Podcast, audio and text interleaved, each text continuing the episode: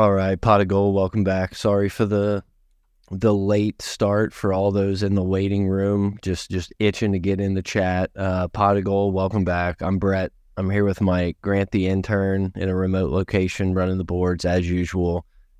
And you know, perfectly on brand. We've probably been in the lobby for for an hour now, just kind of hanging out. Got some uh, personal stuff we had to talk through and as the as the video's going or the the music starting, Grant hops in and he's like, "We I got to take the Blue Wire logos off everything." you got to do that just, now.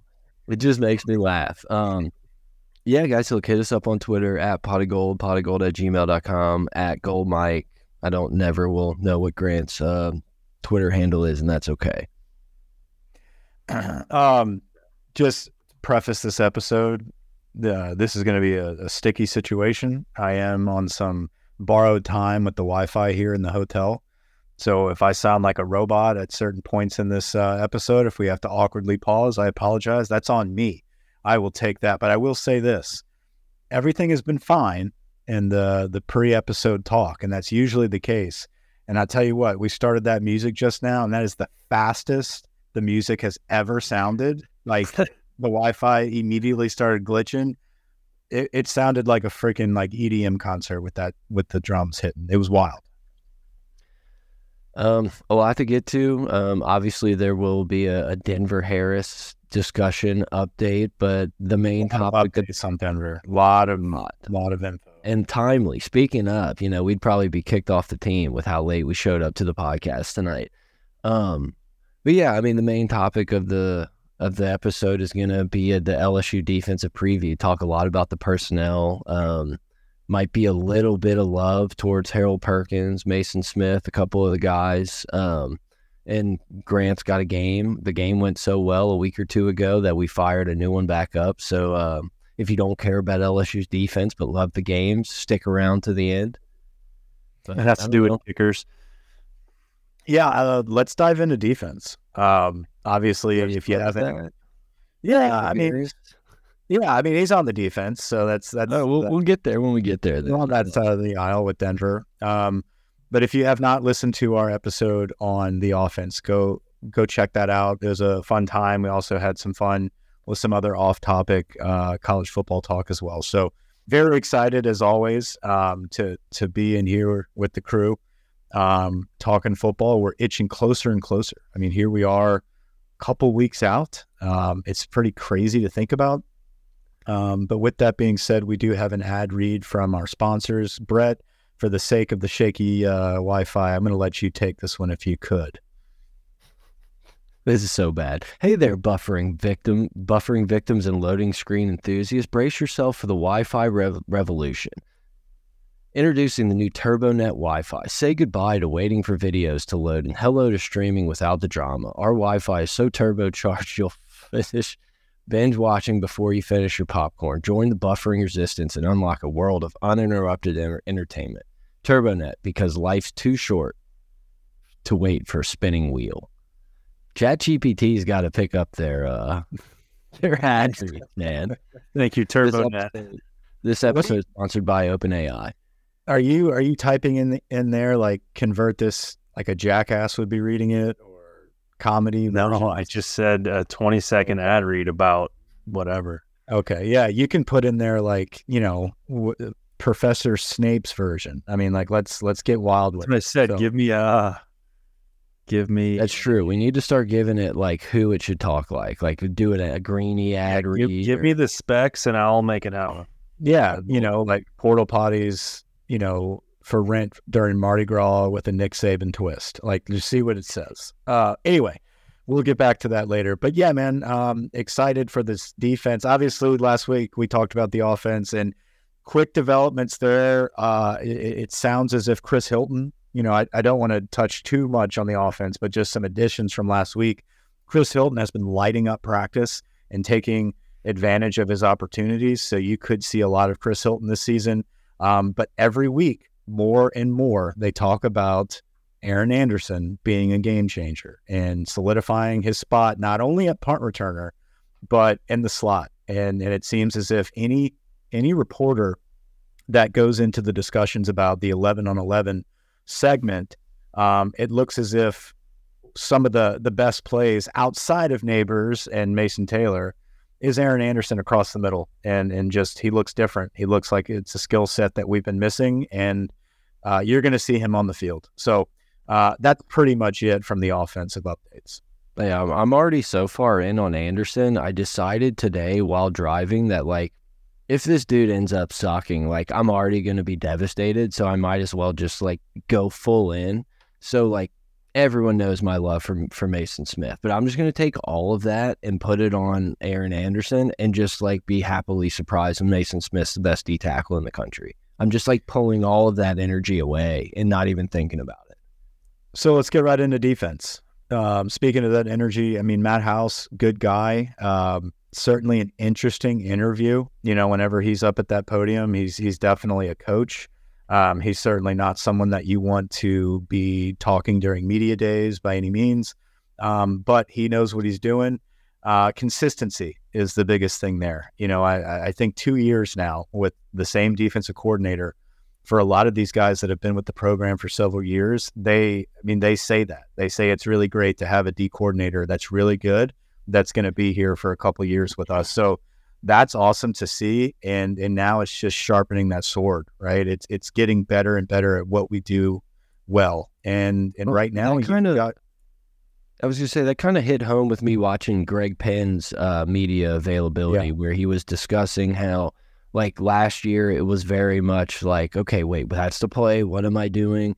And now it's like I, I know what two positions are doing. I know what everyone's doing. I feel like us on the outside, like we kind of take that for granted. It's almost like we're we're so ingrained in the NCAA football life. It's like, well, you just know your playbook. Like you run time package, you learn sure. cover two man.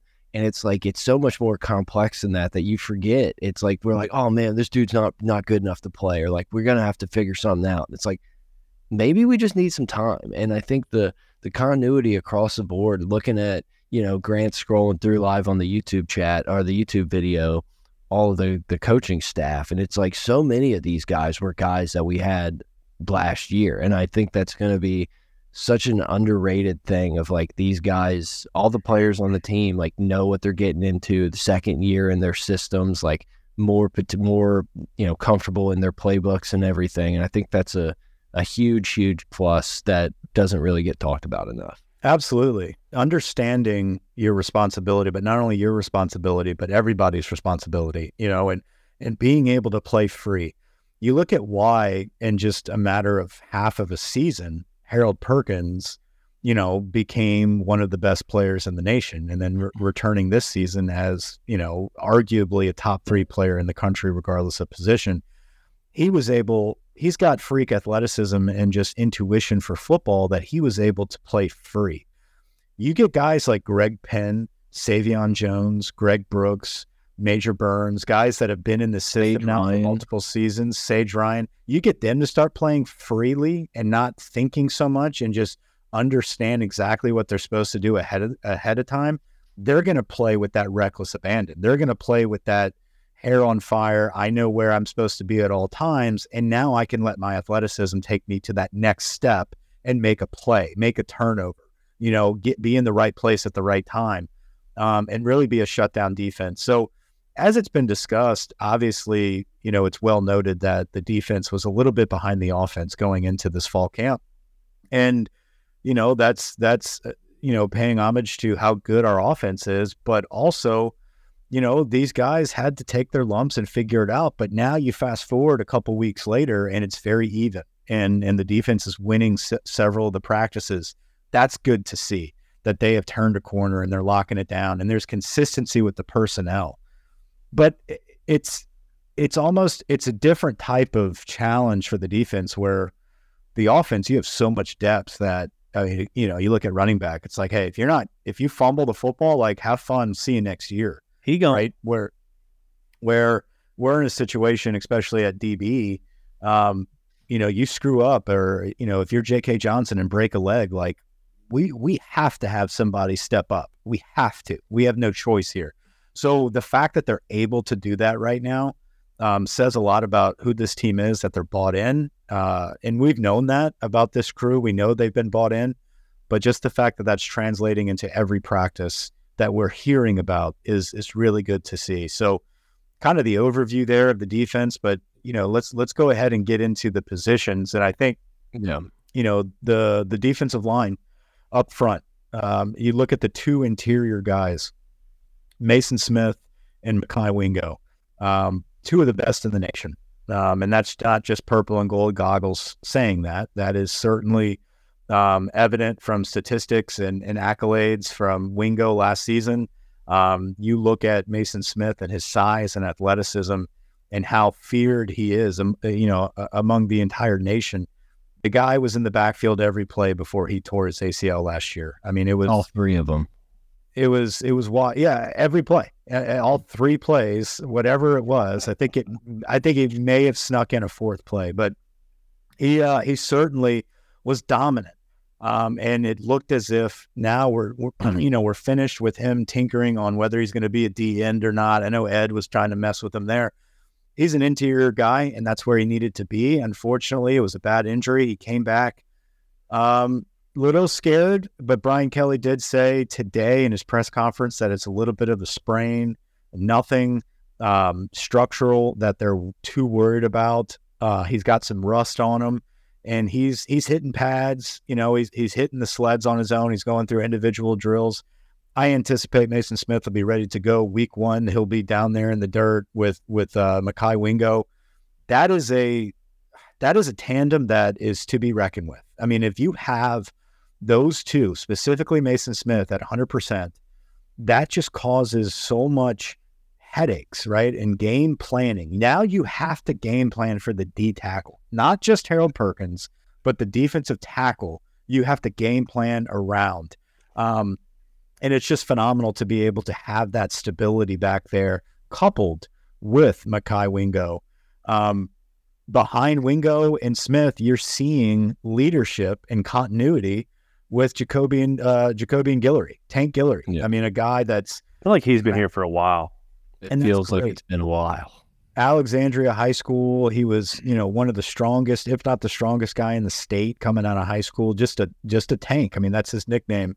Um, but he has risen his game to a level of of stability and comfort where we're okay. You know, if, if Tank has to go in there, and he is. He's there. Those guys are going to be rotating. I mean, Mason Smith, love him to death, um, but at the end of the day, that's a big body that's going to need some rest throughout these games, right? we're going to need to be careful with him.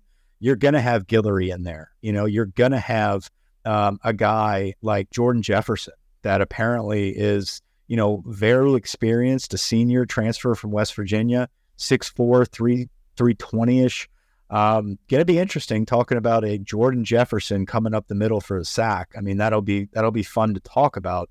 But I think those are your four main guys. You're looking at Jordan Jefferson and Guillory as your backups immediately to Mekhi Wingo and Mason Smith, and and that's a lot of experience there. You're not you're not throwing out a true freshman, you know, uh, rotating in to to spell some of these guys. Like you're looking at good experience good size too, good size kid. So really excited about that defensive tackle tandem. There it is on the screen there. And then you also throw in Jalen Lee, the transfer from Florida, who's a big bodied character, who's originally from Louisiana, a guy that I was really excited about coming out of high school, hoping he would earn an offer.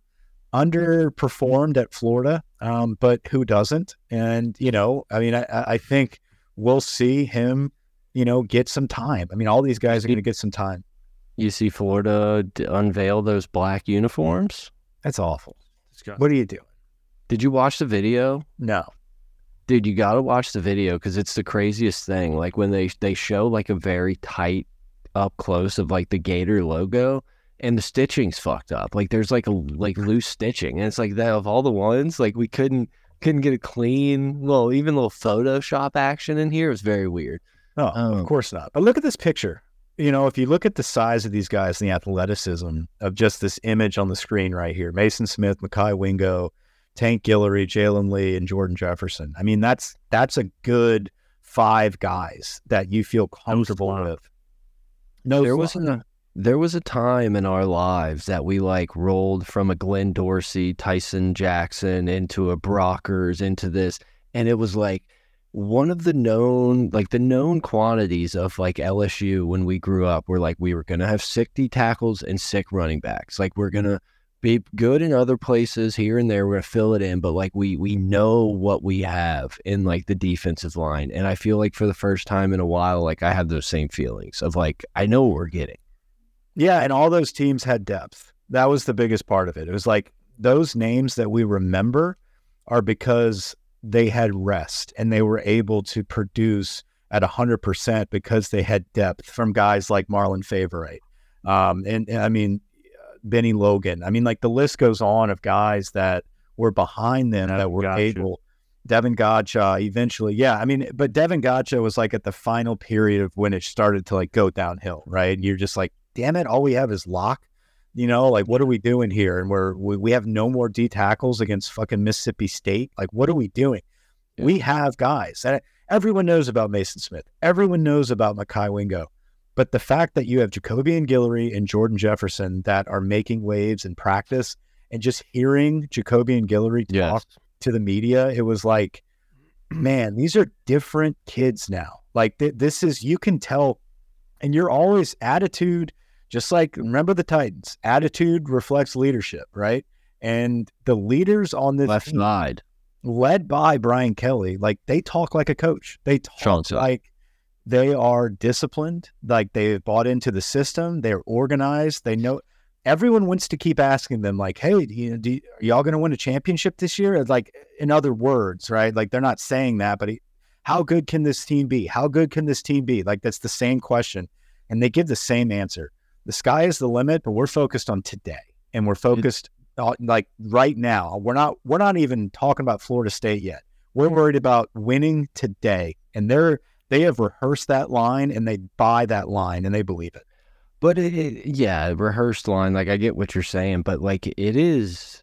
That's definitely the mindset in the in inside the locker room. Like it's hundred percent. I'm glad you mentioned Guillory because I wanted to bring that up, and then I got sidetracked on Florida's uniforms. Like incredibly good media. I almost feel like I'm watching Friday Night Lights when they open up, and it's like all this you know press for this high school team, and they're no, we're gonna win state and all this stuff. Like eh, it, it kind of feels like that a little bit, but guys like Jacobian Guillory, like showing the maturity of like being honest with with what he's been at LSU, maybe not living up to expectations yet, and knowing he can do it, and talking about the mindset, the mindset change that's going on, and it, it goes throughout that locker room. Every player that's done media availability, you can tell there's something in like the way they talk. It's a little smirk. It's a little like they they just are happy. They're excited to talk about it because they know the type of team that this could be. And uh, I think we'll probably get into it a little bit with Denver Harris. But we were talking before it started. Lane Kiffin, I guess, was on Marty and McGee today and had some sort of comment about how NIL has made it really hard to build a good culture in the locker room because it's like, you know, people are just not really committing to the school, more committing to what the school can provide, you know, blah, blah, blah. And I'm sitting here thinking, like, yeah, that makes a lot of sense. The culture at LSU has never been better than it is today. There's, I, I, I mean, you know, yep. we can go back to Saban. Sure, I don't know. I don't know what the the locker room culture was like there but we can go through Les Miles. We can go through national championship years. We can go through probably 2019 as a culture. Look, man, that culture was great. They knew that they were, but they kind of took a little bit of that fuck you, Ed, Ed Orgeron mentality to it. And like this is just being run like a professional organization. And everyone in this, and, you know, there's going to be outliers. Guys aren't maybe going to fall in line, but the vast majority of this team is completely bought into everything that's being pushed. Well, the the difference in 2019 2019 needed to happen to give us that finally we're back. Like we know we can do this if the pieces are in the right spot, right? Like we finally turned that corner. We are finally we thought we, were. we finally have a high we finally won a national championship again, right? We did all of that, but it wasn't sustainable based on what was built in that locker room and in that culture. It, it truly was, as as much as I hate to admit it, it truly was lightning in a bottle. And it just happened to be for us, right? And LSU was was the lucky winner of that lightning in a bottle. With Brian Kelly, there is no one dude. There is no Joe Burrow, right? There is no Ja'Marr Chase or Justin Jefferson that's going to walk in and save your program. Um, there, you know, and so this is sustainable. This is the only way that it's going to work, and he's brought that here. So you're right. Our culture, in my opinion, has never been better. Obviously, like you said, early 2000s Nick Saban was the last time you had this culture. And I this I thought about this the other day. I remember, you know, long time ago, I played in an all-star game with Taylors, right? Mm-hmm. It was mm-hmm. Brandon Taylor and Jiron Taylor. My and, mind. And so of course, you know, my my two weeks with the with those people, I, you know, automatically assume they're my best friends. So I ran into them on campus the Taylors. Oh. The family as a whole. Um, I ran into them on campus my freshman year, and I was talking to Brandon and Jiron about, you know, uh, football and obviously what's going on with the team. But I asked about Kenny Bell, and he was a guy that they were very familiar with and were friends with. And he was a big time receiver, and he committed to Bama. And, you know, Kenny Bell, it was kind of, I had the, I was like, why did he go to Bama? You know, it was still at that point in time where it's like Bama wasn't Bama again. Why it was kind of just like, what the hell? Like, yeah, they have Nick. Right. Like it wasn't a thing yet. And like, yeah, sure, Nick Saban's there, but like, what's, what's the big deal? You know, like it's LSU. We just won the national championship last year.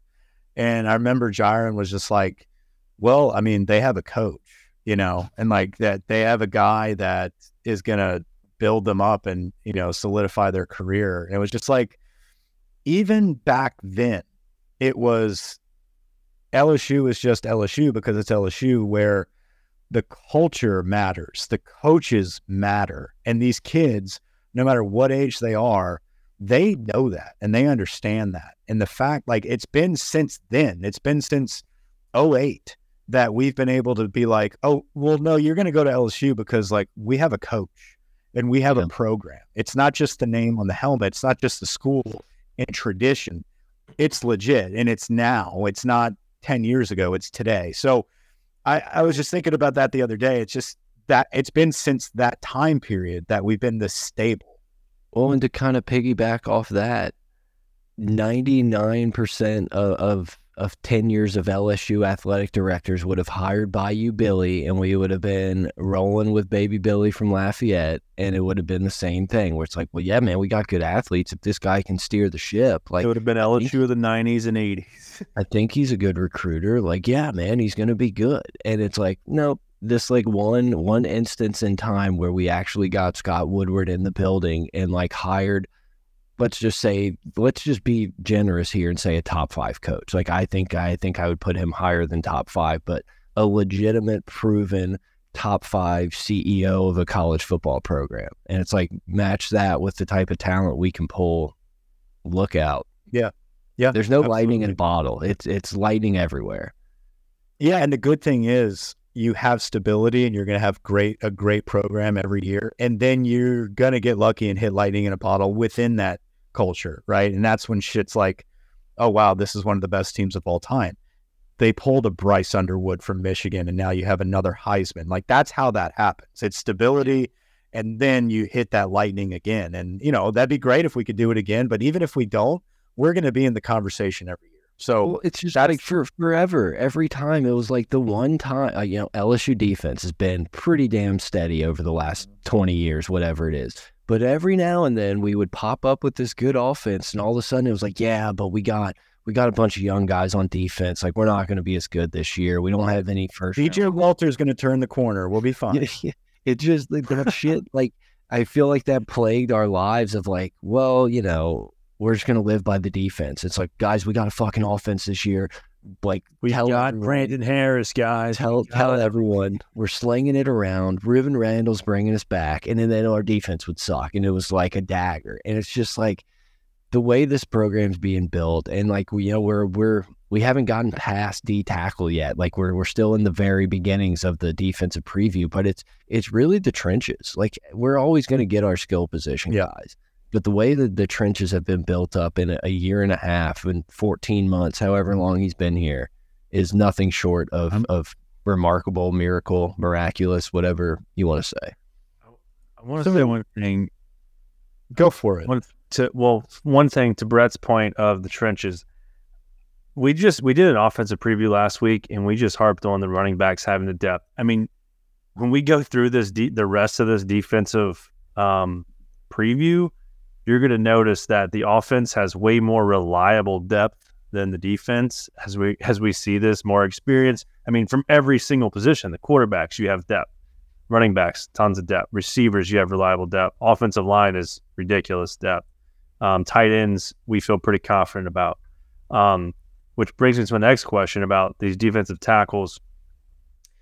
Have we heard a lot about Jordan Jefferson, or I guess we have Jalen Lee, or anyone else behind him in terms of depth on the defensive? Yeah, and so that's that's that's what I was saying is like we've been so used to just having like one or two, but uh, at camp right now you're hearing Jacobian Guillory's name and Jordan Jefferson's name as as two guys that are going to be right behind Wingo and Smith that are making waves and making plays. Now, After you know, them. Ty G Hill, Jay Hill, Lee, yeah. um, that's what I'm saying. Have we heard Right, anything right, after folks? those No, we haven't. five? We haven't. we haven't. it. I'm just but that doesn't mean that they're not going to be good one day. But it, I think, and the point of this is, and that was the next thing I was going to bring up is, you know, we're not going to go through the entire roster, you know, for every defensive player on the team, but the fact that you have four solid guys at that defensive tackle position that on any given Saturday, if for whatever reason, if all hell broke loose and you don't have Mason Smith and Mekhi Wingo, but you have Jordan Jefferson and Jacobian Guillory, Still you service. Can, you can sur- you can survive a week, right? Like you can you, you're going to be okay to kind of take them out and rehab for a week. Like that'll never happen. Knock on wood. But like you have two other guys that are going to be good, and then you've got Jalen Lee. That's a big size body, um, and Hill can come around and Yeah. turn the corner, and going to be on special teams, going to be involved in the game planning but you have a solid four. And so that's that's kind of where I was going to wrap up on D tackle is that it's not just the front two. The guys behind them, the two immediately behind them are really really solid dudes that that builds that depth. Now, you move to defense and we have to specify, you know, D end versus Jack, the that that stand up position. And I know they're kind of grouped all together, right? But the main guy uh, is Sai'vion Jones. Sai'vion Jones is you know, a blue chipper, original five star guy uh, out of St. James, uh, somebody that we've been waiting to have a 200. breakout. He is 6'6", 280. He is he is bulked up and he is lightning fast. You remember seeing him number 35 last se- last season get in the game at times and you're like, "Oh god, is Sai'vion Jones ever going to figure it out?" And, you know, he was only a sophomore last year, but still you kind of worried, a little bit undersized for that hands in the ground defensive end. We kind of had him at Jack, but he had a couple sacks. He was making plays. Now he's bulked up to 280. He's pretty much solidified his spot as that solid, that true, you know, inline defensive end for us. And then behind him, you've got another five star guy, Quency Wiggins, 6'6, 270 out of Madison Prep, right? So Quency, the ultimate off the bus first guy, right? Like this is Danielle Hunter 2.0 type of physicality in his image. Uh, those that that's your one-two depth when it comes to that true defensive end. It's going to be Sai'vion Jones and Quency Wiggins. Obviously, they're trying to build Dashawn Womack. He's a little undersized to be that true starter at defensive end, so they're going to move him around. Five-star guy of Baltimore, Maryland, probably our top prospect last year. Dashawn Womack. Is he going to be a hands in the dirt D end? Is he going to be a jack linebacker? Is he going to stand up in the backfield? Like I, they're gonna they're gonna get him on the field somewhere. But if you're looking at just talking about moving on from defensive tackle to the next big man at defensive end, your guy is Sai'vion Jones. That's who you're going to see, and then Quency Wiggins is going to get a lot of time and a lot of rotation in there. He's only a redshirt freshman, so you're building that depth, you're building that continuity. And every time we talk about these guys, you got to think about What does that look like next season? Well, then you've got a seasoned vet as a redshirt sophomore, Quency Wiggins, coming back with his hand in the dirt, right? So it, it looks good with that one two punch of um, at Jack, you've got Ovie Oghoufo.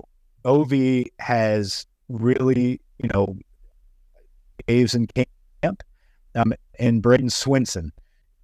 Ovie Oghoufo, the um, veteran senior stand up Jack linebacker, whatever you want to call him, 6'4, 250 out of Texas. He's your transfer from Texas, where Bradyn Swinson, very, I mean, basically identical twin. He's your transfer from Oregon. A little quicker, a uh, little more burst. Ovie is a little stronger, right? But those two you're going to see with Dashawn Womack. So I think your top ends, no matter who you want to, where you want to put them, whether they're at hand in the ground D end or Jack linebacker, you're looking at Sai'vion Jones, uh, Quency Wiggins, Ovie Oghoufo, Bradyn Swinson, and Dashawn Womack. Those are the guys you're going to see mm-hmm. playing a lot. Paris Shand the transfer from Arizona has also had some really good plays in camp. It's a big old dude. Um, so I, oh, go ahead. I was going to say, so uh, just compared to last year's starters, um, Ovie would be your uh, Ojulari, right? He's in that position, mm-hmm. and Sai'vion is in the Ali Gaye role. Correct. He's in the Gaye spot. Um, can I just say, for a decade, I feel like we've made fun of Alabama, Jack linebacker, blah, blah, blah. I'm so excited that we have the Jack. It's so exciting to just like talk about the Jack linebacker. Who's gonna who's gonna get to be the Jack linebacker? And it's always just been like, oh well, who's too small to put their hand in the dirt and who can fly off the edge? Now it's like a legit depth chart of that position. Like you've got guys here strictly to be a pass rusher at the defensive end, but also can wreak havoc, crash inside on running plays and make an impact and not get their ass run over. Like I don't anticipate Ovie, Ovie Oghoufo getting trucked by a tight end. Like that's not going to happen. He's gonna be he's gonna be like a BJ Ojulari. Uh, he's Bradyn Swinson is the same type of player, and then you're developing a incredible talent, somebody who is being hyped up beyond belief, Dashawn Womack. Is Womack going to come in and be Harold Perkins? No, but he had that type of uh, projection by the time he's a sophomore into his junior year. Absolutely. And so they're going to figure out a way to get him on the field. Is it at Jack? Is it at the end? They're going to play with that, but you don't have to because you've got guys like Ovie, you've got Bradyn Swinson, you've got Sai'vion Jones, a veteran now, holding down that that main DN position, and he's backed up and spelled by Quency Wiggins. Like that's that's a handful of defensive ends that can wreak havoc. And you've got a game plan for that. But how do you do that when you've got Mason Smith and and you know Mekhi Wingo in the middle? Like that's a good D line. Yeah, just looking looking at this list and even going back to D tackles, like I'm so extremely confident that we're going to put a put a group of four out there across the line that are going to be able to hold their own against any offensive line in the country. And it's weird to say that because a lot of names on this list we have not seen play in LSU jerseys, like especially this D end one. I mean, what are we looking at? Sai'vion Jones? That that's the only person we've seen. Sai'vion Jones. Yes. Yes. And then just looking at it, it's just like, well, no, yeah, like you said, Oghoufo. If he some for some reason this dude's not what people are saying, I think Swinson can step in there and be a completely serviceable role. I don't know, man. Excited. And then we're going to go to linebackers. I'm going to say the same thing. Let's go to linebacker. Uh, let's see some of these. Oh, so linebacker. to see some of these big guys. I forgot to switch to them. There you go. Yeah. So uh, go go back to those pictures real quick, just so we can kind of get eyes all these guys. Uh, that's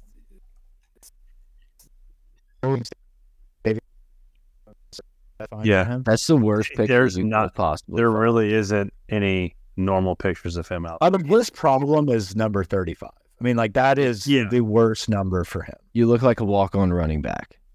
Yeah, but he's our guy, right? Six six two eighty. He's going to be an animal. I mean, again, again, I always say this: you get a kid from St. James, you get a kid from East St. John, you like you get a kid from any of those areas You're going to play them. Eventually, one day they're going to be a star for you. This could be the year where Sai'vion Jones becomes a star. And then you got Quency. Look at Quency Wiggins' big ass back there. Like that, that dude is a monster. And then you look at the Jack linebackers with Ovie Oghoufo and and Bradyn Swinson from Oregon. Solid. And then if you have to, yeah, you rotate a, a good pass rusher in there um, with with uh, Paris Shand uh, from Arizona. So good I depth, know, but I know he's really not starters. I know he's not necessarily 280 in this picture, but like, it's crazy how casually someone can look 280 pounds. Like he's a big dude, but it's not like he. Yeah, I don't. know. Six six helps. Yeah. Yeah, it's just I don't know, man. I'm excited. I'm. We're so close to just. It was crazy going- around. it was crazy going through making these roster lists and seeing the jump because I had last year's already set. So if there was a guy I had to change their height or weight, and it was interesting seeing some of the guys either add weight or lose weight by twenty pounds in some instances. I I don't. I don't know when. What is When- what is You guys what got- is Ovie's weight? He's two fifty. Yeah. I I don't know when or where the, the Jacob Flint portion of the uh, the season preview is, but we'll just say here like pro Flint.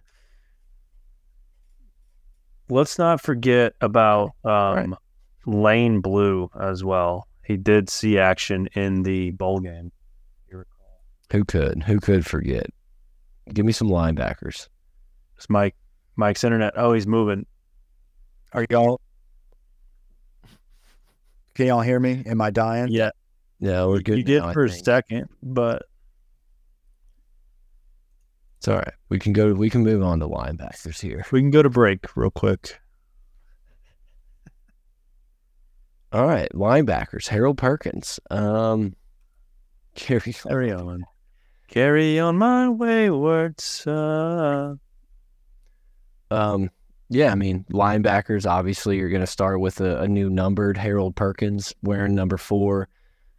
I, I think a guy most everyone across the country would see as a first team All American. So obviously, I don't know that there's a ton to even talk about there. And then you get Omar Speights, who has been really the the talk of of the defensive side of the ball. I mean, every every player interview, every coach's interview talks about um, how awesome it is to have this dude. During Greg Penn's, he said he he sits next to him in every meeting. He's very professional, can do both. Um, one of the things they talked about was like being being like a a good cover guy or a thumper, and I just thought about how great it is as a linebacker to be to be considered a thumper. It's like, oh, no, this dude, this dude hits.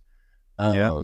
First team. Yeah, I mean- well, yeah, I'm really interested to see because everyone's talked about how good Omar Speights is going to be. So, I mean, there's really your two linebackers.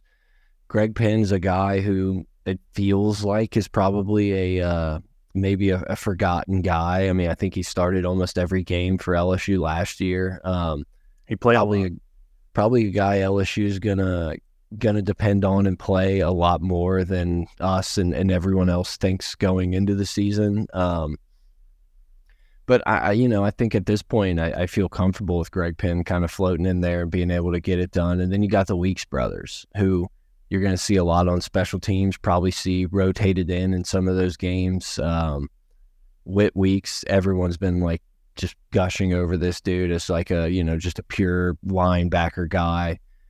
Uh, Christian Braithwaite, I know he's been getting getting some good talk in camp. It's just like a guy I, I would assume we're not gonna see much you of.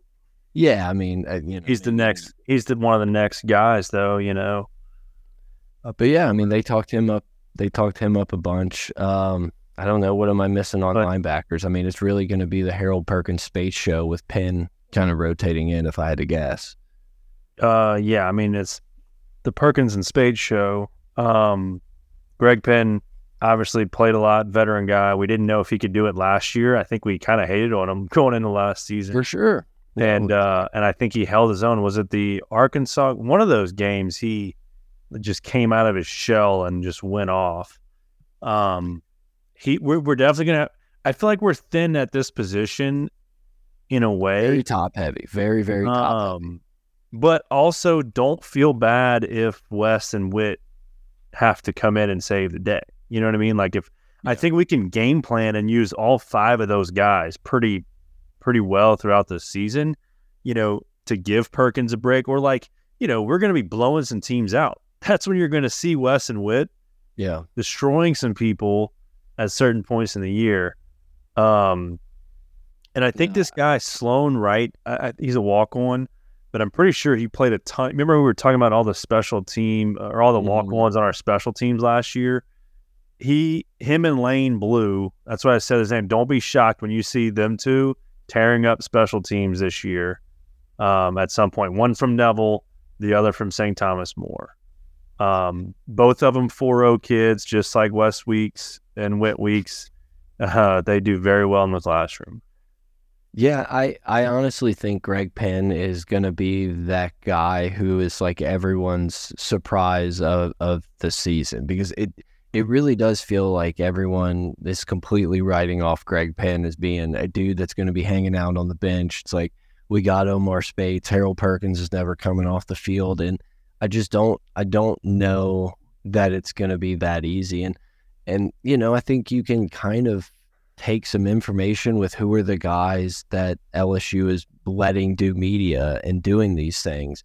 And Greg Penn was a guy I think two days ago that so it's like obviously they think that this dude's enough of a contributing factor that he's gonna that we're gonna let him talk to the media. He had 78 tackles last year. Yeah. Like he's our top returning tackler from our team, like that was on the team last year.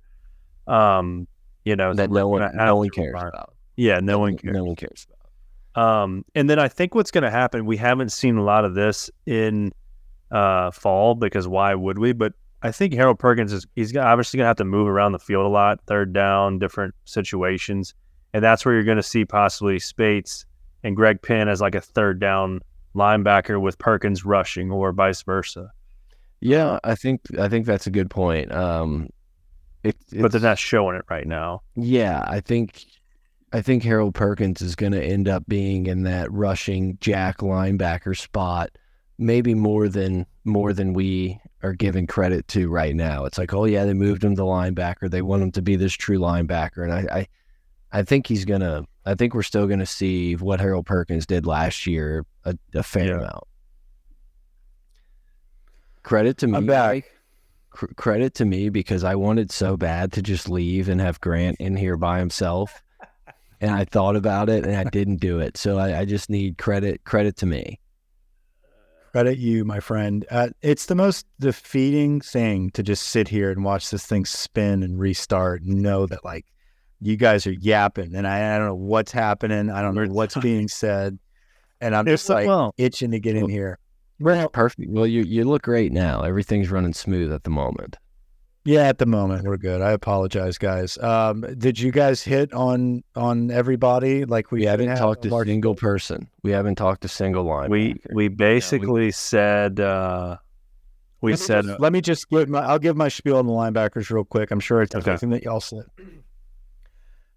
Having a guy like Omar Speights come in, that's what's going to save our year. It's that this is the key piece is Omar Speights. This guy won, like we talked about, he won that that strongman award from the summer.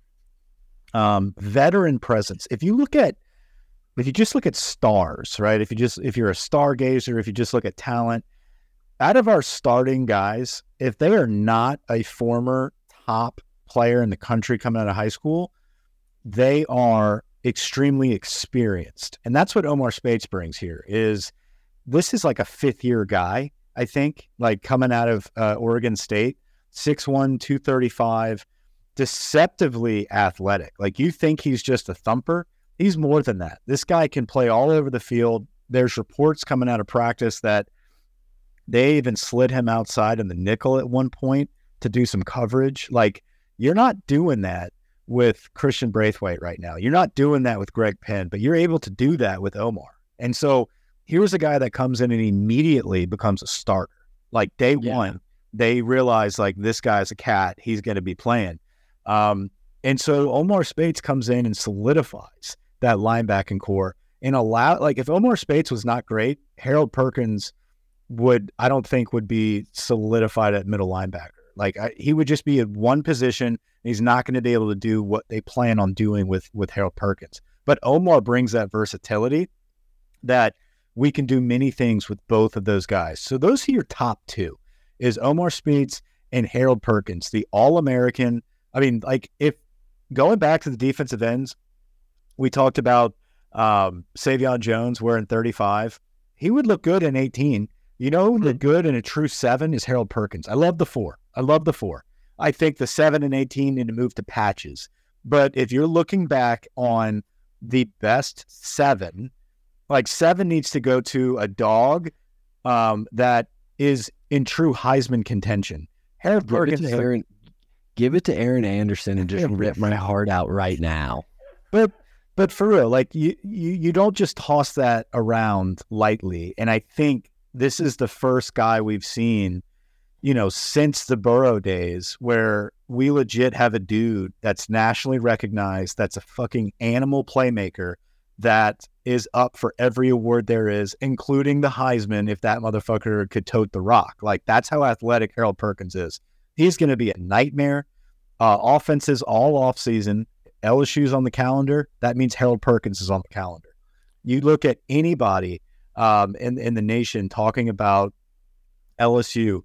It doesn't matter if they're in the woods up in Oregon. They know who Harold Perkins is, and that's huge for us. Um, that was one of the biggest signees that Brian Kelly came in and was able to lock in when he first took the job. Let me get. Harold Perkins. hmm Absolutely. Um, yeah, I mean, um, I don't know. I had a Harold Perkins take, and then I just completely One so that we could do after after Harold Perkins, though, I, I, I do want to mention this.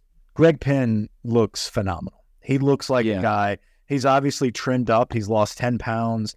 But Brett, like you mentioned, his interview, his media time, where he talked about the continuity with with his defensive coordinator, right, and being able to play freely and know the will position and know the mic position and be able to not have to think so much. That every time we saw Greg Penn play last year, you mm-hmm. always thought like, damn, he's turning the corner, he's getting better, but he's just a half step too late. Like there's just something that's not on par with a true all-American type of linebacker. I think what you're starting to see now, getting quicker, getting that that step down quicker, and now being able to think freely in this defense and play multiple positions, that's three guys that you're comfortable with. Omar Speights, Greg Penn, and Harold Perkins to solidify that def- uh, that that linebacker position right behind a very solid interior defensive tackle.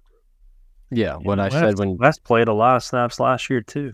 what I said when you were gone was like I think Greg Penn is going to be the pleasant surprise to LSU fans. They're going to be like, "Oh, oh, like I know he played a ton last year, but we kind of shit on him. We kind of felt like he was like you said a half step behind. I think he's going to be the the pleasant surprise that comes out and it's like, "Oh shit, this dude's legit." And and listen, I know we did we said we're not going through the whole roster on defense, but it, it needs to be said that the Weeks brothers, specifically the younger one, Whit Weeks, is going to be a dude. Uh, Yeah. he he is everything that we thought he was. I know we were very high on him watching film and, and being excited about him being committed. Um, I you're not going to see a special teams without 40 and 33 on the field. And like those two guys are going to be on everything imaginable if they're not in the game, uh, you know, as far as playing linebacker. But you have five guys right there Speights, Perkins, Greg Penn, and the Weeks brothers. Those are your linebackers. Those are the guys that you're going to see playing um, every game. And specifically the development of the younger Weeks, um, you're going to see him turn a corner. And I think he's going to have a big freshman year in some fashion kickoff team, punt team, return team blocking. He's going to get rotation uh, at the linebacker position with his brother. Um, and that's no that's no slight on West Weeks. That's just the athleticism of Whit Week. Like West Weeks isn't carrying the football. He's not having pick sixes. Whit can't, right? He had 16 touchdowns as a senior in high school on offense. Yeah. He's athletic. One name missing from this list, I don't want to tread too much on the past, but God, it'd be nice to have um, Demario Tolan on this roster. uh, right about now. And what's crazy is I just was today years old when I realized he's not even on Auburn's roster anymore. He's not on their team. Where is he? He's floating in space. Where in the world is Demario Tolan?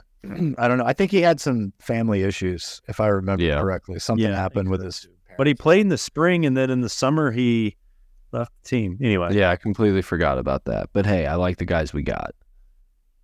So obviously, sick pictures there. I mean, look at Speights. I mean, just look at this Yeah. guy, and the beard is beautiful, beautiful beard. he's like a Ricky Williams at running back. Just Yeah, uh, looks like he belongs.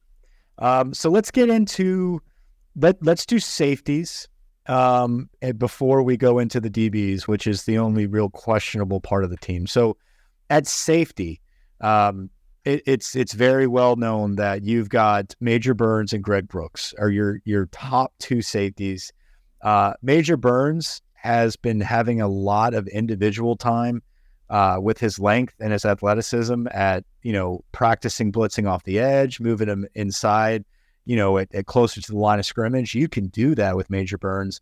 I never thought I'd see a day where Major Burns was coming back as one of our most solid go-to safeties on this team, but apparently that's that's what it looks like right now, and that's great to see.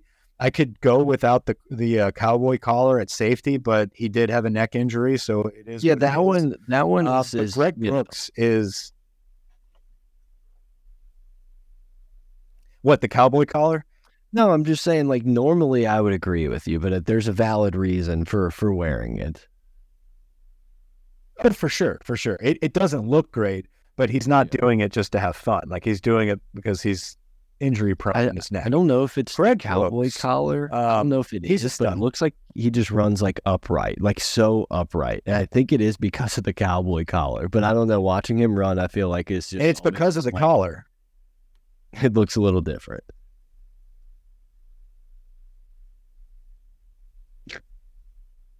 Oh no! I think we Uh, lost Mike. But yeah, I mean, you move to Greg Brooks, and he's a stud. He's a guy that's extremely experienced. I hear you. We're doing good. okay, we're doing good. good. There We're was no delay. through. We're back. maybe a little lag time. Um, so I I think when you go back and, and edit this recording with AI, they're going to hear me say this a third time. But Greg Brooks is a stud. Uh, he is he is absolutely uh, a dude that needs to be on the field at all times. I think Greg Brooks, if he is not your safety, he's your nickel. Um, you know, Greg Brooks is is certainly athletic. He is he is a thumper at safety, even for uh, being a an undersized guy. But he's athletic and he's got that experience, like we talked about. I mean, just the value of having another year on the field after being a dude at Arkansas for multiple seasons, comes in, saves our ass last year in the defensive backfield, and then comes back another year at LSU. Tremendous, tremendous value there to to pair up with Major Burns. The other safety that's getting a lot of play right now is Andre Sam. I will say this. Did y'all hear him? Did y'all hear his story? Like, have y'all caught up to speed with Andre Sam? No. Okay, so he he can't talk. Like he has a. no, I'm not joking. Like he legit has a speech impediment. Like he an awful stutter where like he literally can't communicate. well, of course we didn't hear him talk. That is good one. That's it, it. Like I'm not kidding. If he turns out to be an All American and like shines for us, he'll be like a Rinaldi special. Like that's that's the type of story. Uh, I, I I can't believe it really hasn't been built up that much on the message boards and everything. It's it's a phenomenal story about courage and how you know he's picked on as a kid and like it's not just like oh I stuttered as a kid. Like he he can't talk still. Huh. And like so it's very interesting. But like that just shows you the level that he is playing at now with that disability it's just incredible to think about how far he's come just as a person. That type of leadership and just like courage and strength to be in your defensive backfield and being able to like get her eh, eh, who knows? Maybe like when the bullets are flying like all that shit goes out the window and you Yeah. can talk. I, I don't like there's got to be something there when it comes to communicating coverages but the fact that he is able to perform at this level with that issue I, I'm rooting for this guy. I mean, like it's it, it's one of those stories that you just you want to see him break out. If you go back and watch Notre Dame versus Marshall, this kid's in the backfield. Like the first few series, he's killing people in the backfield. Like you put Buckner out there again for Alabama, he's going to look at at Andre Sam and say, "Oh, here's that motherfucker again." Like he he's going to be in my face. Um, and he is holding his own in the SEC at practice, right? And and they like Andre Sam. So I- you have I, I need football to start because every time I hear him and Stamp, I can't remember which one like I've heard stuff about. And it's like I need to like separate them, watch them on the field so I can like separate the two. Cause it's like every story I'm like, wait, was that was which one was that? Like Sam or Stamp or And it's that's the nature of the beast with one, the transfer portal, and two, the, really the lack of depth that we've built that we have had at, at DB, where it's kind of been a revolving door that you have to learn these kids for a few weeks before we play. I mean, it you know, the other day I was having trouble recalling who our DBs were last year just because we only had them for one season, right? And so you fast forward to this year and it's the same thing all over again, but you have some of that stability at safety. Um, but are you going to rotate in there uh, with Andre Sam? You know, I mean, this is a guy from Iowa. Um, so he is a, a Louisiana kid, six foot, 190, transfer from Marshall, has a lot of good experience, another senior Made a McNeese person, I believe. played at McNeese for a little bit before Marshall, but by no mistake, uh, Greg Brooks and Major Burns are your safeties. Andre Sam is a is a guy that can rotate in, and and you're not going to miss a beat there. He's got a ton of experience. But I th- I think he's as important as anybody because from from everything you read, it really you know you kind of touched on it, but it feels like they want to play Brooks as that third safety in this like four two five, probably not necessarily the nickel corner, but another safety on the field. And It's the like three. It's the three high safety look. That's I think that is what instead of just having another corner on the field, we're going to have the luxury of having three safeties. And it it could be Sage Ryan as well, right? Like Right. Sage Ryan is one of those guys that can swing both ways. So you've got And who gives a shit if Harold Perkins is the one rushing the quarterback? Who cares who's back there covering? Right. And you so that means you have four solid dudes rotating for three positions, uh, three spots at that safety position at all times with Brooks, Burns, Sam, and Sage Ryan. Like those are your four solid safeties right now that you could slide up any of them outside of probably Burns. I, I wouldn't trust Burns in a nickel position, but Andre Sam, Sage Ryan and and Greg Brooks rotating down in the flats, like that's you're going to be fine. There. Yeah, um, Uh, I think we're comfortable in the safeties. so Langlois still The- playing the- a little bit, right? Jordan Allen. Langlois Langlois still on the team. Yeah, I mean we can get into the depth chart. I think the next the next guy that you could see breaking that is is actually Javien Toviano. I, I think the the big time uh, safety signee last year, the other five star recruit that we pulled from Texas, uh, 6'1", 200 pounds. He's the safety of the future. Like that's that's your future All American safety that will probably get some rotational time this season at some form or fashion. He'll be playing, but outside of those those top guys we just mentioned, yeah, I w- I would see uh, Toviano cracking that lineup as a safety. Uh, Yates. uh, maybe Yates, maybe Kylin Jackson. I was going to say Um, that you're getting into that like whoever kind of steps up here in the next three weeks or even during the season is going to get an opportunity because it's like all these guys are somewhat in the same basket at this point.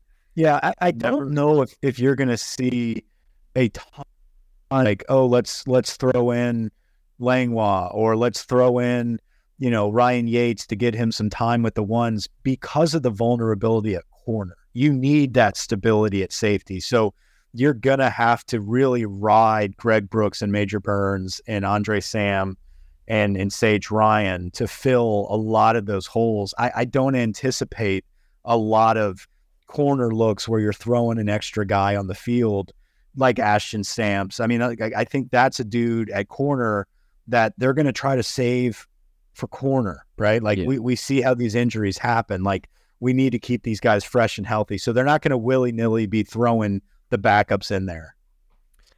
And do not for do not count out or forget about Aristotle Abraham. Abraham the second. And Quad Wilson, he had a pick six in the in the uh, a big pick six, almost hundred yards, right? Big in the. Purdue game. I've seen Uh, better looking uh, quads in the quad. Frank Wilson's son. Um, but anyway, so yeah, good safety crew. Very, very solid with Good the about the safeties. safeties. Feel really good about the safeties. If we can get Sage Ryan to step up, like Sage Ryan, Greg Brooks, Major Burns with a rotation in there of Andre Sam and uh, Toviano as needed. I know you've got Allen in there. Um, who put a uh huge erection said I literally had no idea about Andre Sam. I just went and watched an interview with him and he's definitely now my new favorite player. Like I, I think this is the most untalked about topic on our team right now is Andre Andre Sam's situation. I just I know the fucking freaks of this world are gonna just like annihilate this kid, and so like I, that's that's why I feel like it hasn't been pumped out that much before he starts fucking making pick sixes and blowing people's heads off. Like I think they're waiting for that to happen first, and then be like, oh, by the way, like this dude's overcome a shit ton in his life to get to this point. But Yeah. that's for another. now time. that after you mentioned it, I was like, oh yeah, I kind of remember hearing that the dude had a stutter, and I just moved on. Like I never looked into it or knew the severity of it. So I didn't I'll- either. And when I watched the interview, I was just like, oh shit, like this is a this is a story. But just like look at this Major Burns picture. It looks like he's like straight up and down. Like I don't know, watching him run, just it, it's different to me. It's It's like funny. a bean pole. something. And Yeah. he's surprisingly fast. Like I, I- there's something about major like straight line speed, right? And you Yeah. remember Alabama it's- game. he gets Ala- there. exactly, exactly. Alabama game's a perfect example of of Major Burns' athleticism. Of you know he might not be a ball hawking safety that's going to high point a ball or has great ball skills, but like he's got the speed to truly be that that last line of defense as as a safety. And then you can allow Greg Brooks and allow Sage Ryan to go make some plays downfield. So um, excited about the I mean, safety. and if it ends could- there. if he could just stay on the field, if he could, like last year, he played in nine games. The year before that, he played in five. You know, so if he can stay on the field, I think you do see great things out of him. Um, corner, the corner position is is the one that all camp has been really the what are we going to do here? Because obviously, you know, if you look at the spring, Laterrance Welch looked awesome.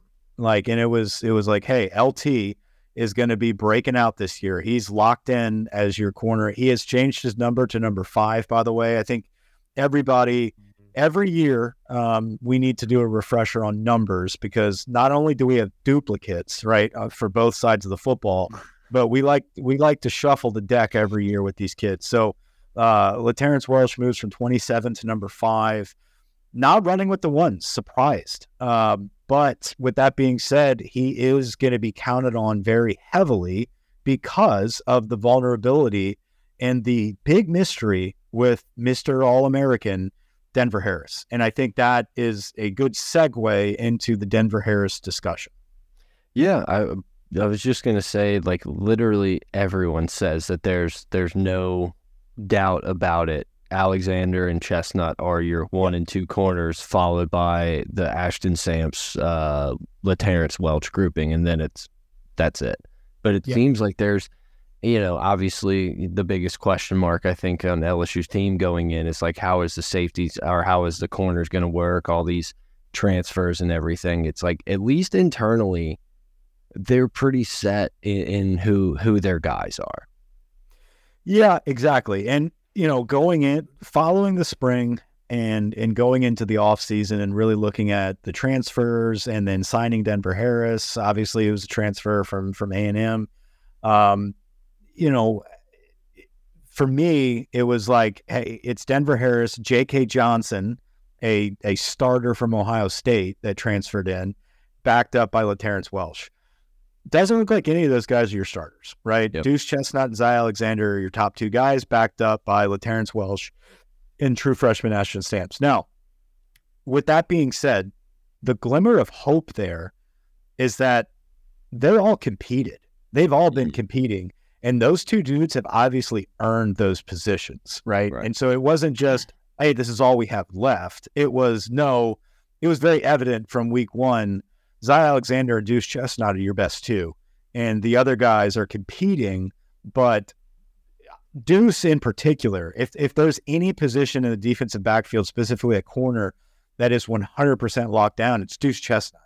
And uh, you know, I don't want to harp too much about the guys that aren't starting, but it it does need to be said. J.K. Johnson breaking his leg at first wasn't that huge.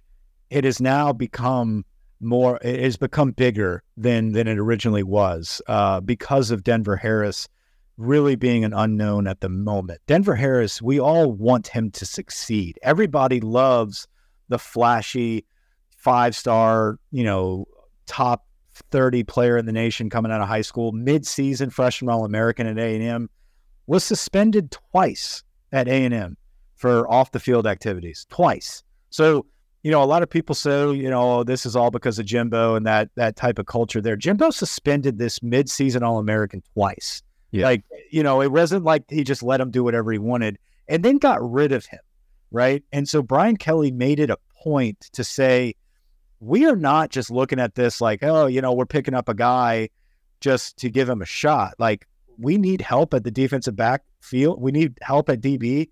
And this is a really talented player. But make no mistake, he does not get an exception. There is no, hey, it's it's it's Denver Harris. He doesn't have to wear what we're wearing. He doesn't have to show up to the dining hall on time. He can pout all during practice. He can start fights in the locker room. He can start fights on the field.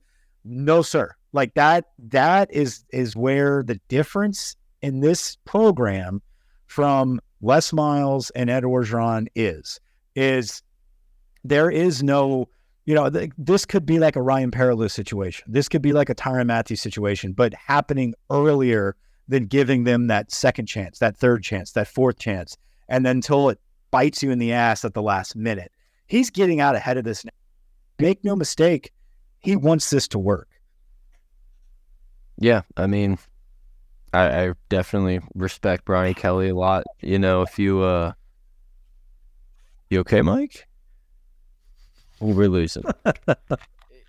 it's just one of those things, man. You were there in the whole time. Um, if you don't if you don't fall in line, if you don't buy into the culture, then there's not gonna be a spot for you. I don't care if we have three guys that we think can play corner for us this year. It's like we're not gonna blow up the things that have been built over the last year, the the locker room culture, you know, being a SWAT team leader. If you ask Jordy, just showing up to dinner on time. Um, it's just you, you follow the rules. It's the rules for Harold Perkins are the same rules for the equipment manager and so on and down the line. And it's like it could that could end up biting us in the ass on this one particular Denver Harris thing where it's like you know we're sitting here week eight with a couple injuries on the board saying man I really wish we had this dude around.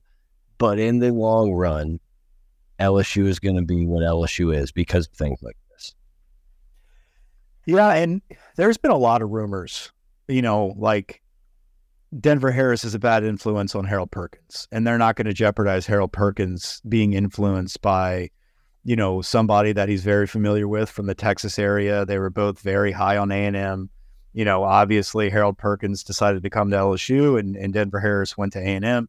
Now they're rejoined, and you know, there's a scuffle on the field, and it's like, you know, what was that conversation really about with Brian Kelly whenever he sent, you know, the other guys to the locker room? Was he talking to Harold Perkins like, hey, don't don't you dare start slipping up with bad influences, right? Because I'll get this kid off the team in a heartbeat, right? And so I, I think there's a bigger picture here. It's lessons that need to be learned, but at the same time, it's a lesson for the whole team that nobody, no matter how talented you are, is bigger than the team. And and and we'll go down to just two corners if we have to when it comes to discipline and expectations because that's the difference in a game, man. If you if you're like we talked about last week after the scuffle broke out, um, and they talked about discipline, like we mentioned it. If you're at Bama, games on the line, and you decide to get a hot head and push somebody out of bounds, that that penalty is not going your way, right? Yeah. You're never going to get the benefit of the doubt there. So you have to change that behavior immediately. And and listen, Brian Kelly made it. He didn't make it clear, but no one's suspended right now. Like he's he's given him a chance to kind of check himself. And listen, taking him out of the team picture, that's a fucking statement. That's like, Yeah. hey man, I'm not kidding.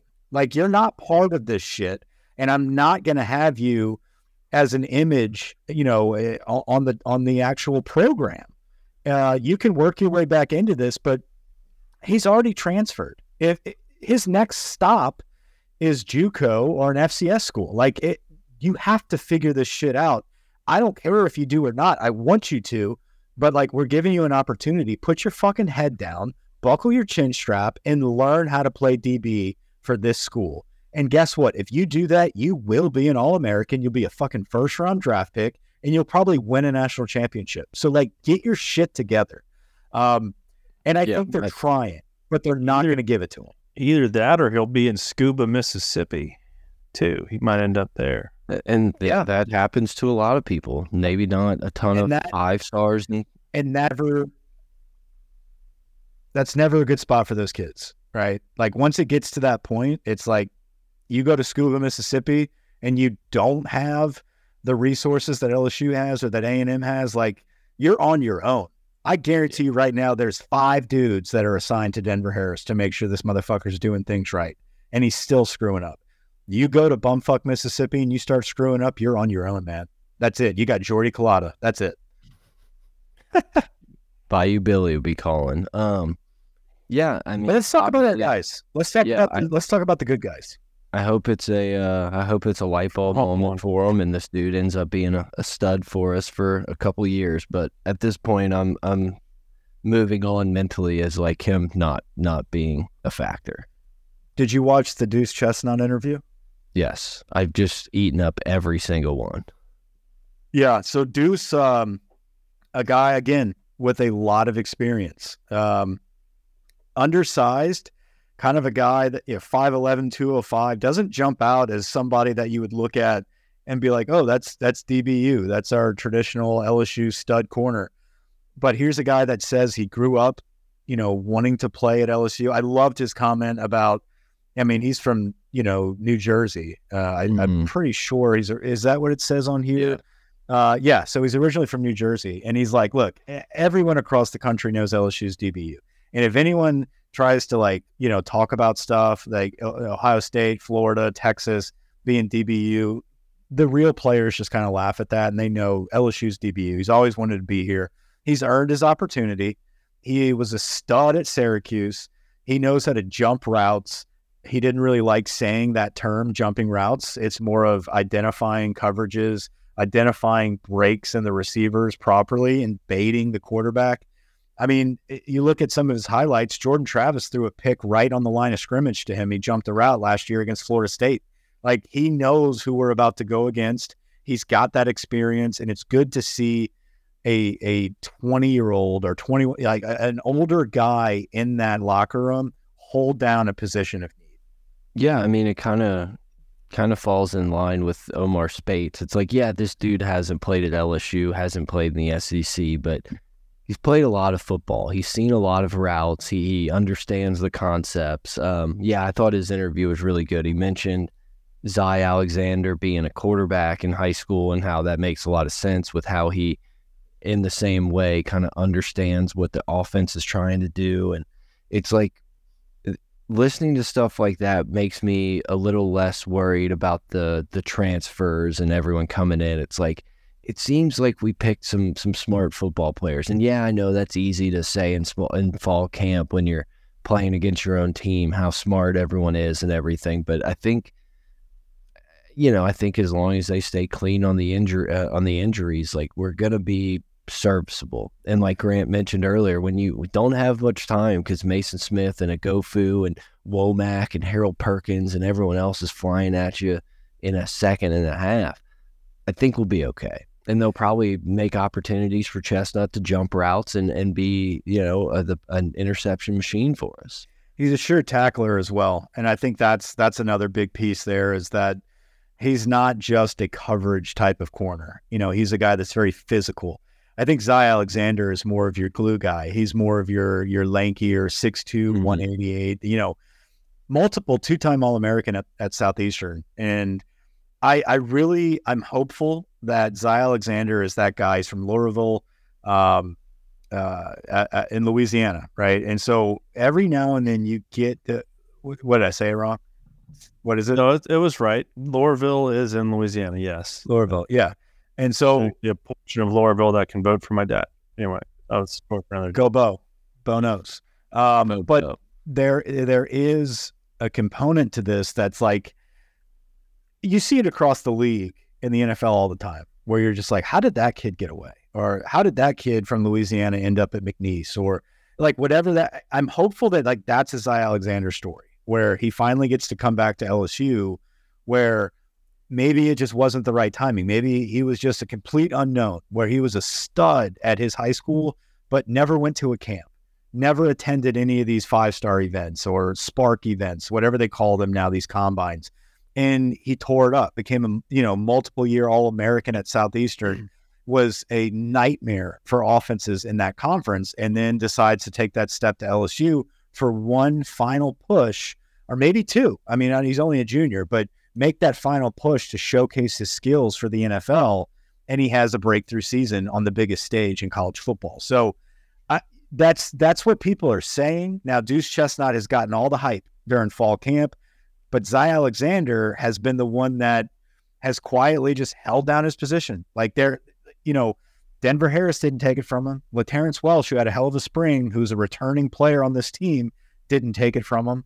So that means something. That means that Deuce and Zy are obviously your top two for a reason. So, you know, I, I think we can't go much further without mentioning, though, that probably the biggest buzz on defense for somebody that is in every conversation, no matter if it's coaches or players, they always mention Ashton Stamps. Ashton Yep. Stamps is somebody that always is talked about as a guy that you want on your team and a dude that will be making plays this season. And I, I don't, I forgot who they asked, but they were like, you know, I, I think it was may have been Greg Penn. They said, you know, out of all the freshmen, is there anybody that you could see, you know, being a surprise impact as a true freshman? He didn't say Dashawn Womack. He didn't say he didn't say Kamarian Pimpton. You know, he he talked. He didn't say Toviano. He said Ashton Stamps, right? And and the dude is is blown up. I mean, he was very undersized at Rummel, and then now he's six foot, close to one ninety.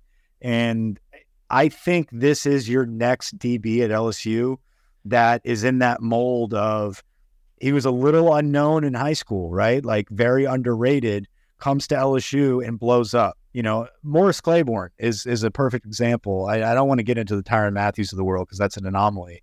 But somebody like Morris Claiborne from a smaller school in Shreveport, you know, he's your, your quarterback. He's playing all over the field, very undervalued, doesn't go to a lot of these camps, signs with LSU, immediately, you know, jumps up in the rankings. And then by the end of camp, you're like, hey, this true freshman, Morris Claiborne at wide receiver, we're going to have to move him to DB because this kid's going to play. And I Yeah. think Ashton Stamps is one of those, he's in that, I, I'm not saying he's on that level, but like that's what he has the potential to be. And that's how excited I'm getting about Stamps. Well, if we if we hit the rewind and went and looked at you know signing day pods, probably someone that got completely glossed over that we said, oh yeah, you know we took him. Maybe in a few years he'll get work. But when they asked Brian Kelly Yeah. about him, the uh, the only like the only thing he said was like, all you need to know is this guy showed up to camp three times to try to get a scholarship, and he worked his ass off. And like once again, like you said, it's not we're not gonna do a Tyrann Mathieu comp, but it did remind me of the story of Tyrann Mathieu. No one wanted to give him a scholarship, and he goes to that Tennessee camp, and he's just busting people's ass like Jarvis Landry and all these top wide receivers, and it's just like I'm here. I will anytime anyone wants to line up across, we can run the drills. I'm I'm here, and so it's uh yeah, I mean, it's exciting to see. I hope this guy comes in and it's just the the greedy Williams of like, oh, I forgot who did he? Okay, yeah, he's our Yeah. best corner. Cool. and he's got balls, right? Like he's one of these dudes mm-hmm. that, I mean, if you look at his social media, he posts he he like practice videos of going against Justin Jefferson, right? Like a New Orleans kid that is working at some of these play amp seven on seven tournaments where Jefferson, you know, eh, Jefferson's all over the place, but like you ever notice those like bootlegger videos and stuff like that? It's like Ashton Stamps is like in Justin Jefferson's face, like, I want to get better. You know, iron sharpens iron. I want to be the best. Like that's the type of kid he is. He's he's coming in. He wants to be the best defensive back at LSU, no matter how long it takes, no matter how, you know, many reps it takes to to get there and who he needs to go against. That's the type of leadership and culture Brian Kelly wants on this team. He's going to get an opportunity this year. Yep. No, you're gonna. Yeah, he he's gonna. In you know, it may start out in just the grambling type of games and stuff, but I think you're gonna just see more and more of him as the season goes on, and he's going to carve himself out a nice role. But yeah, I think that's about as far as we need to go on the corners. I think that's the defense, my friends. I think that's it. I, I think if we want to touch quickly on special teams, special teams, uh, Anderson is the punt returner. I think that is solidified. Um, but the the biggest piece out of camp on special teams is that you've got starters out there. Like they, and, yeah. and I loved what Brian Kelly said today, how he compared it to your resume for the draft. You look mm-hmm. at rounds four through, you know, you look at rounds four and on, and the percentage of guys that make that roster, it's it's very slim for the longevity of those players unless they have a second skill set within special teams. So that's a selling point to get those kids to buy in, obviously, and it's true, but it's also another way to be like, we need to shore up our special teams. I, Jay Bramblett, the the punter, he said it perfectly. Listen, all the games we lost last year, you can you can circle a special teams play where we fucked up. It's very important that we get special teams correct, and there has been such an emphasis this camp. Jordy said it, Moscona said it, Shea said it. They've never seen this amount of focus on special teams during a fall camp ever before. Now, they've also never had this much media attention before and, and exposure, but it, it it says something that they were taking so much time to focus on special teams with key starters from our starting 11 on either side of the football to be within the those starting lineups for special teams. And then you add a dynamic, one of the best returners Kelly says he's ever had before. That worried me. That worries. That's a little that's that's a big statement that's when that's when I get to like, are we just living in the fall camp bubble where everyone's the best player in the country? Uh, you know? No, Aaron's good. Uh, Aaron's good. Aaron's good until he's not. No, I did think it was funny. Um, it kind of it kind of gave me a well, you're not at Notre Dame anymore, Brian. When he was like, yeah, you know, if you're a first round draft pick, like, yeah, sure, you may not need to play special teams, but we don't have five first round draft picks on this team. And I was like, I think I can. I think I can count five first round draft yeah. picks on this team. Very humble of you. you want to play a game? Yeah, want to play a game. Play a game and go to bed. All right. It uh, segue from special teams into special teams. Games called Who's Kicker? Let me let me uh, y'all get this started. I'm I got I'm plugging my computer in. Hold on. Okay. Just in time for the rules. Who's Who's kicker is it anyway? I'll have to explain no, it twice, I guess. Yeah, just wait, just wait. I am excited to. uh I am really excited to see what special teams looks like. To see a lot of these top guys, these starters, or even guys like the Weeks brothers, who are probably not going to play an, an ample amount of, of linebacker during the season, but being able to see those dudes get on the field, um, like dude, when we were this when a, we were at this is a kicker game. Uh, yeah. When we were at LSU, the coolest thing, the coolest thing to have as a, a player on the LSU team was the Chain Gang T-shirt, which was given only to the special teams guys, and like literally dudes would like steal shirts from each other, and it's like if you were on the chain gang, you wore that was the only shirt you wore around campus was the chain gang. And so like kind of hopefully we get back to that where it's like it's cool you want you want to play on special. That shirt was awesome. cool to play. It was so sick. But you know, literally every dude was rocking that shirt. It was like a badge of honor to have that. And it's like it was kind of right? Yeah. And I kind of hope that this is where we kind of go to where these dudes are like itching to play on special teams and make the Jarvis Landry tackles and everything else. All right, now we segued in. All give right. us give us the game. We're gonna have to guess Um, what school a kicker plays for, and we're not gonna know any of them. Yeah. So the name of the game is Who's Kickers Anyway. No way. Um, it's just SEC. It's I just can't name a single kicker. Who's our kicker? it's just SEC. You get a photo. you get a picture to to to put it to. So Nick Bar, Myra. What's It's like nothing. Oh, you're giving us the names. Okay. Okay. Yeah, yeah, yeah. So what school? You just guessed the school. It looks like Garrett Nussmeier if he lived in like a meth town. A meth town. Yeah, he looks like a crackhead. Um, Yeah. Okay. Wait. Let, let me preface this too. Nick Ball. These are this is based off of like googling um like projected depth chart starters for each SEC team, like who the you know who the kickers would be. So Oh, this may or may not be opening day kicker, but this is what a website said is the opening day kicker for each team. University of South Carolina Gamecocks. Okay, Mike. I'm gonna, I'm gonna go Tennessee. All right. Oh wait, wrong one. It's Mississippi State. We're not gonna get any of these. No, Yeah, that's you what I told him Yeah, you before. will. The We're not gonna get. You will, because you're going to start narrowing down. Mississippi State's no longer an option anymore. He's got a point there, Mike. All right. Uh, here's the next one. It's gonna. This is this is Harrison Mevis. This guy feels like a Kentucky kicker. right, so- Cool. Harrison Mevis. I have such a, I have such a lag. I still don't see the guy yet. well, he looks like a Kentucky kicker. It still hasn't changed for you. No, but I'll just guess. Um, Like the picture was gonna. describe him to me. What does he look like? How can you not see it? He looks. He looks like a dude. Why? Because I'm in a fucking Hilton in the middle of right, wait, California. hold on, no hold on. Wi-Fi right now. Hold on, I'm gonna fix it. Hold on, hold on. Oh God. All right, He, here uh, we go. There's nothing you can do. What's his name?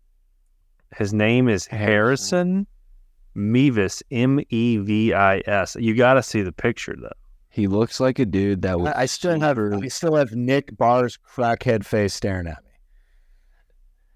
He looks like a There he dude is. that was There he is. super stoked to go to like Rush. Like he was like knew every fraternity's name, like what their what their affiliation was. That's what he looks like. Tennessee. All right, Brett. Who'd you say? Kentucky. All right. Wrong again. I was so I was so close to going Missouri, and I was like, no, What it is looks it? like Kentucky. What is it? Missouri. Uh, Missouri. Okay. All right. Um. Next one is Randy Bond. I'm about to start Randy- cheating because this is going to be so. Randy gross. Bond. You just got to take a guess. I feel bad. Mike can't even see these. Mike, you So still. I, I got Randy Bond. He doesn't. Yeah, he doesn't look like a Randy Bond. But I, I would go with. uh I would. I'm gonna go. I'm gonna go with uh Florida. All right. Brett. Vander Vanderbilt. It's a good guess. A and M.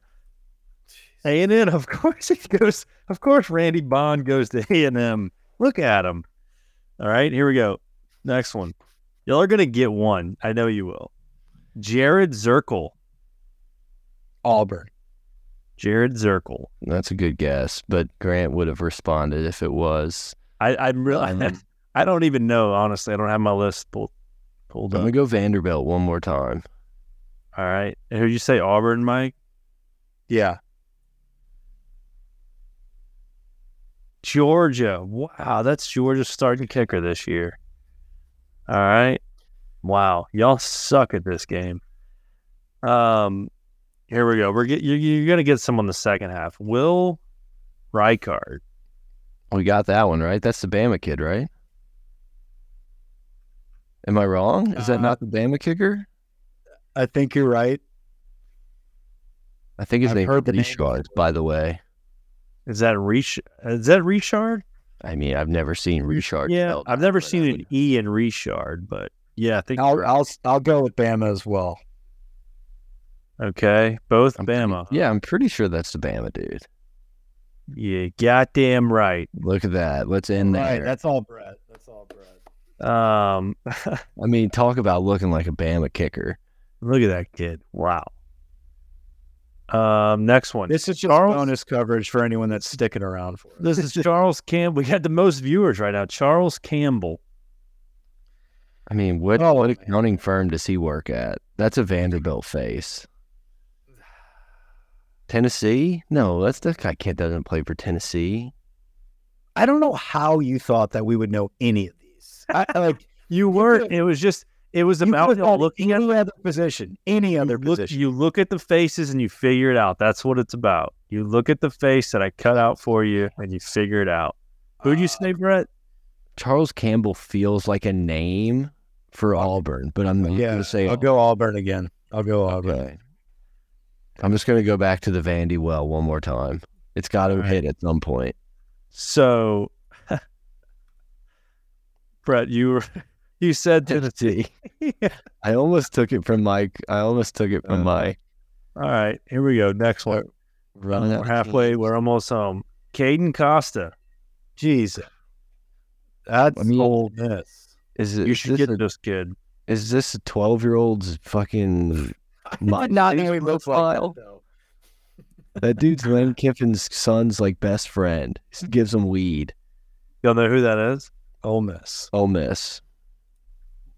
Bonus. Man, high High school. Okay, I knew y'all would get Remember a that. couple of these. I didn't even know that. I just knew the name was the Ole Miss. I remembered Costa. All right. Um. Please put the face in that. Oh my god. Oh my god. He looks like a movie character. Adam Just lot to say. He My, looks like Mihalik? Mahalik. He looks like my hair right now. I don't know, Michael. You guess one. I, he's Yeah, covered up that the Adam nose with this big Yeah. neck. I can't see like who we've already picked. Um, I think Adam Mahalik. I Uh, can go back and show you who's been used up. okay, got it. Um, I'm gonna go with it's either Vandy or South Carolina. It's so true. I'll take Uh, South Carolina since I've picked Vandy like four times. yeah, I'll go Vandy. It's your old boy, Billy's kicker.